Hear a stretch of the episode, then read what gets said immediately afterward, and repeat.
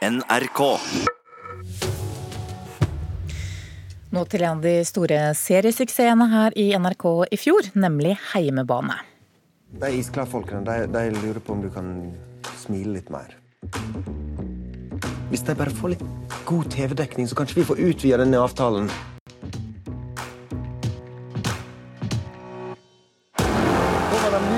Draktene, gutta? Nei. Hva faen er det her for noe?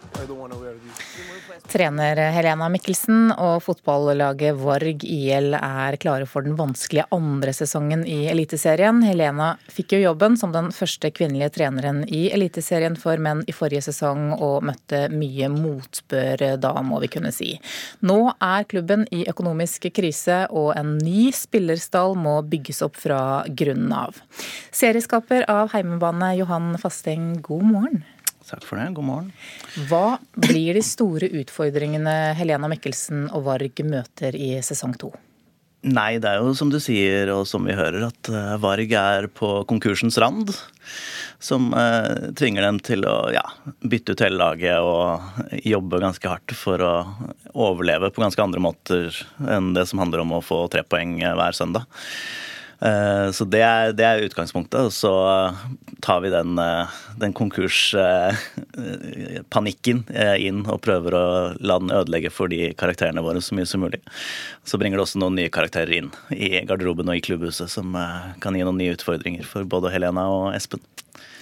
I forrige sesong så kastet jo serien seg inn i metoo-debatten, må vi kunne si. Jeg Hadde tydelig tematikk rundt kjønnsrollemønstre. Hvilke temaer blir viktige i denne sesongen? Mm. Nei, den, nei, vi angriper det fra litt forskjellige perspektiver. Det er jo et lite sånn klasseperspektiv i bånn der. Og emosjonelt sett så handler serien i hovedsak om ensomhet, sånn for min del. Så underveis så svinger vi også innom en del andre momenter som har med kjønnsroller eh, å gjøre. Hvordan det er å være ung, sint mann, f.eks. Skal vi prøve å, prøve å, svinge litt innom. Eh, og så har vi også eh, noen elementer som handler om homofili i eh, fotballen. Og så er det sånn at vi følger Helena eh, videre. Hvor mye må hun tåle i denne sesongen? Nei, det er jo, hun har jo vært gjennom en reise i den første sesongen. da. Så Den første sesongen handlet om eh, kanskje hvordan uh, en kvinne skal sette seg i respekt i et så mannsdominert uh, miljø, så har hun jo nå vunnet den respekten. Så det blir på en del nye utfordringer, hvor utfordringen kommer fra uh, hvordan mennene egentlig ikke er, forhold, er, vant til å forholde seg til å ha en kvinnelig sjef, er litt den nye verden vi går inn i. Da. Vi går inn i mer et matriarki eh, enn det som i første sesong handlet om et patriarki. Og så ser vi hvordan den dynamikken har skiftet. Og Så får daglig leder Espen eh, en eh, større rolle i denne sesongen også. Eh, på, på hvilken måte? Nei, det er jo han som bærer mye ansvaret for klubbens konkursrand. da. Så han som er nødt til å ta en del veldig vanskelige valg som går utover menneskene i klubben. Så i hans prosess med å redde Varg, så oppstår det jo konflikt med eh, bl.a. Helena. Og vi følger deres relasjon eh, dypere ned i, i, mørket og ser hva som skjer. Eh, når de to som har vært så lojale mot hverandre 15 nå, kanskje ender opp i konflikt.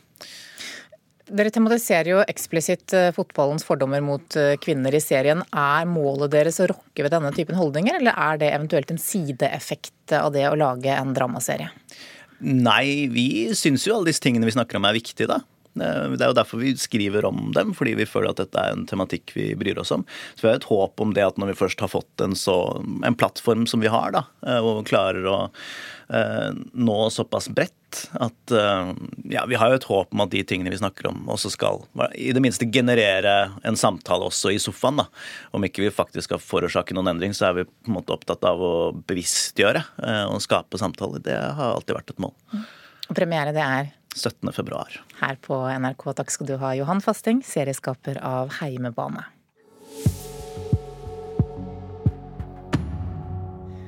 Så skal vi til et nordisk språk du kanskje ikke har hørt om før. Elvdalsk av, snakkes av bare 2500 mennesker i Sverige, og i området ved Elvedalen i Dalarna der språket snakkes, frykter mange at det vil dø ut. Språkprofessor Sylfes Lomheim hadde aldri møtt noen som snakket språket før han ble med NRK på besøk til nettopp Elvdalen. Vil dere ha noe ljos? eller? Ja, vil gjerne ha litt lys. Juice. Juice, ja. Appelsinjuice. Å, jeg trodde det var juice. Ja, ja. Juice. Selv en garva språkmann som Sylfest Lomheim kan misforstå når svenske Lennart Matsson snakker. Han veksler nemlig mellom vanlig svensk og morsmålet som høres slik ut. Ja, summer, for at jeg reiser, summe jobber oss der, og turister. og Summe for å mure og jobb, og Summe er iallfall bråtende uker å jobbe, og kan hjemme med òg. Halvannen times kjøring øst for Trysil bor 2500 svensker som snakker elvdalsk. I 1000 år har de vært som en språklig lomme der de har utviklet egen grammatikk, egne bokstaver og egne ord. I dag forstår svensker og nordmenn bare bruddstykker. Men elvdalsk er truet. Stefan Jacobsen Skjulstad lærte språket etter at han ble voksen, og han frykter for språkets fremtid. Det hender noe på, blant de som er oppvokst på 1980- og 90-tallet. Der begynte kunnskapene å bli alt sämre. Og det har noe å gjøre med, med at man sentraliserte skoler, og også at det ble vanligere med daghem.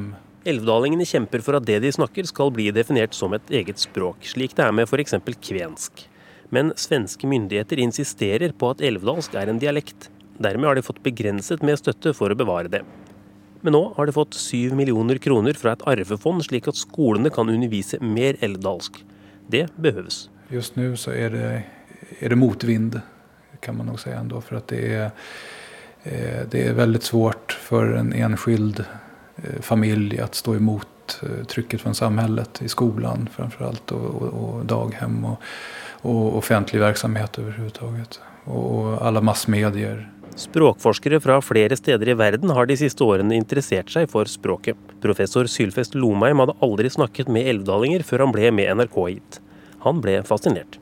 Kort sagt så har det vært enda mer interessant enn det jeg trodde på førehand, og det sier jo ikke så veldig lite. Elvedalska er veldig spesielt i Sverige. Det ligner ikke på noe annet, og det er større avstand mellom elvedalska og andre dialekter i Sverige. Du kan høre mer av Lomheims reise til Elvdalen i podkasten til P2-programmet Museum. Reporter her var Per Øyvind Fange. Vi har vært innom Superbowl eh, flere runder i løpet av Nyhetsmorgen i dag. Dette er altså en av verdens mest sette TV-begivenheter. Og det er ikke bare selve sporten og finalen som kommer i fokus, men også pauseunderholdningen. I år så var det Maroon 5 som sto på en av verdens største scener.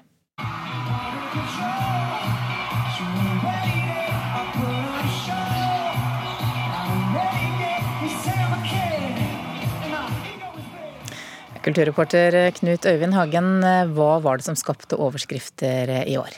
Man må vel si at bekledningen, eller fraværet av den, var det som skapte aller mest eh, oppstyr.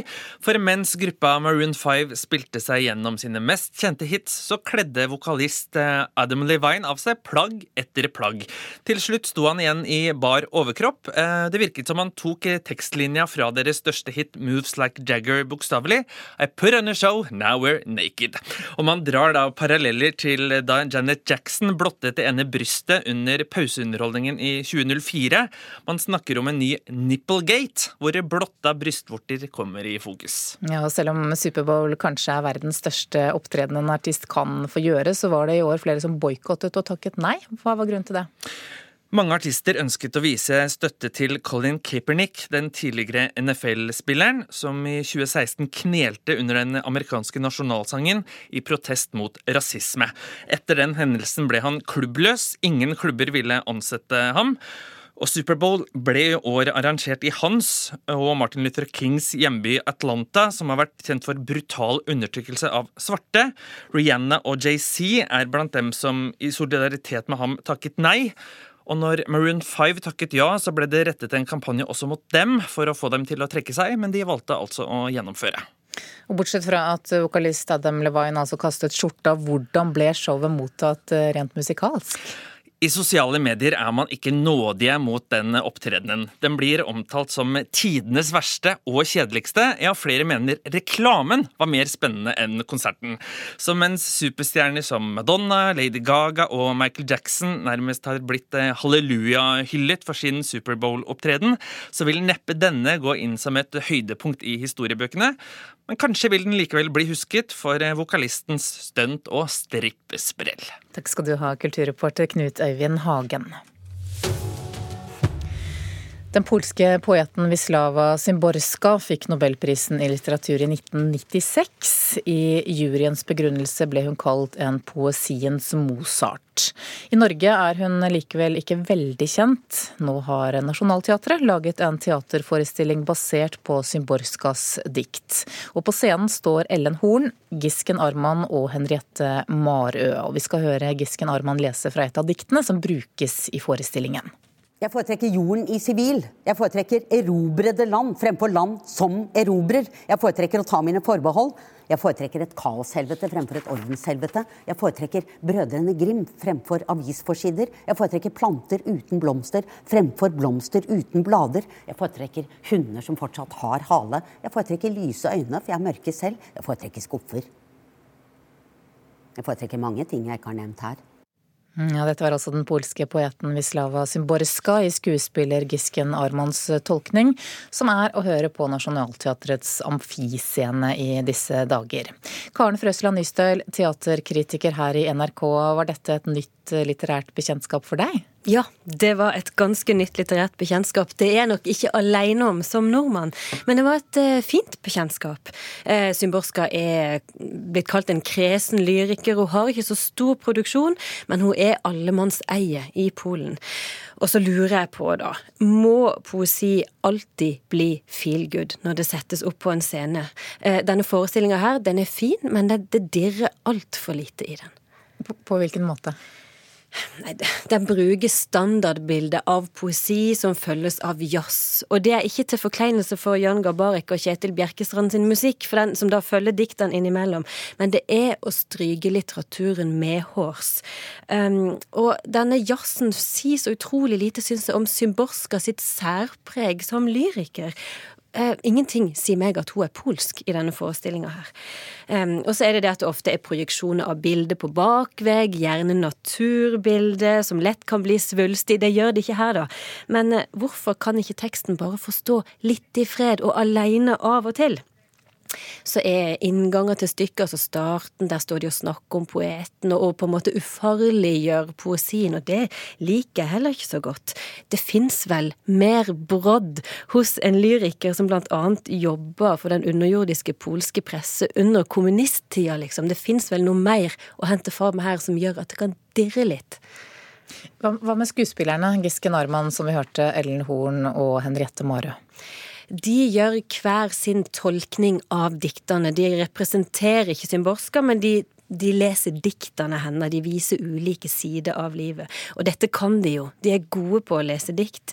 Eh, og Gisken Arman, av og til så leser hun så vakkert at det, det dirrer, eller det berører noe djupt i meg. Av og til så blir jeg helt satt ut av hvor fint dikt kan leses. Eh, og samtidig så er alle opplesninger en tolkning. Og Enkelte ganger så syns jeg de går litt vel langt i å servere sin tolkning av diktene, at eh, de ikke kan tolkes nok av meg sjøl, på en måte. Så hvis vi skal oppsummere? Dette er feel good med vakre dikt som tenderer mot å bli litt tannløst. En fin time i teatret. Takk skal du ha, teaterkritiker her i NRK, Karen Frøsland Nystøyl.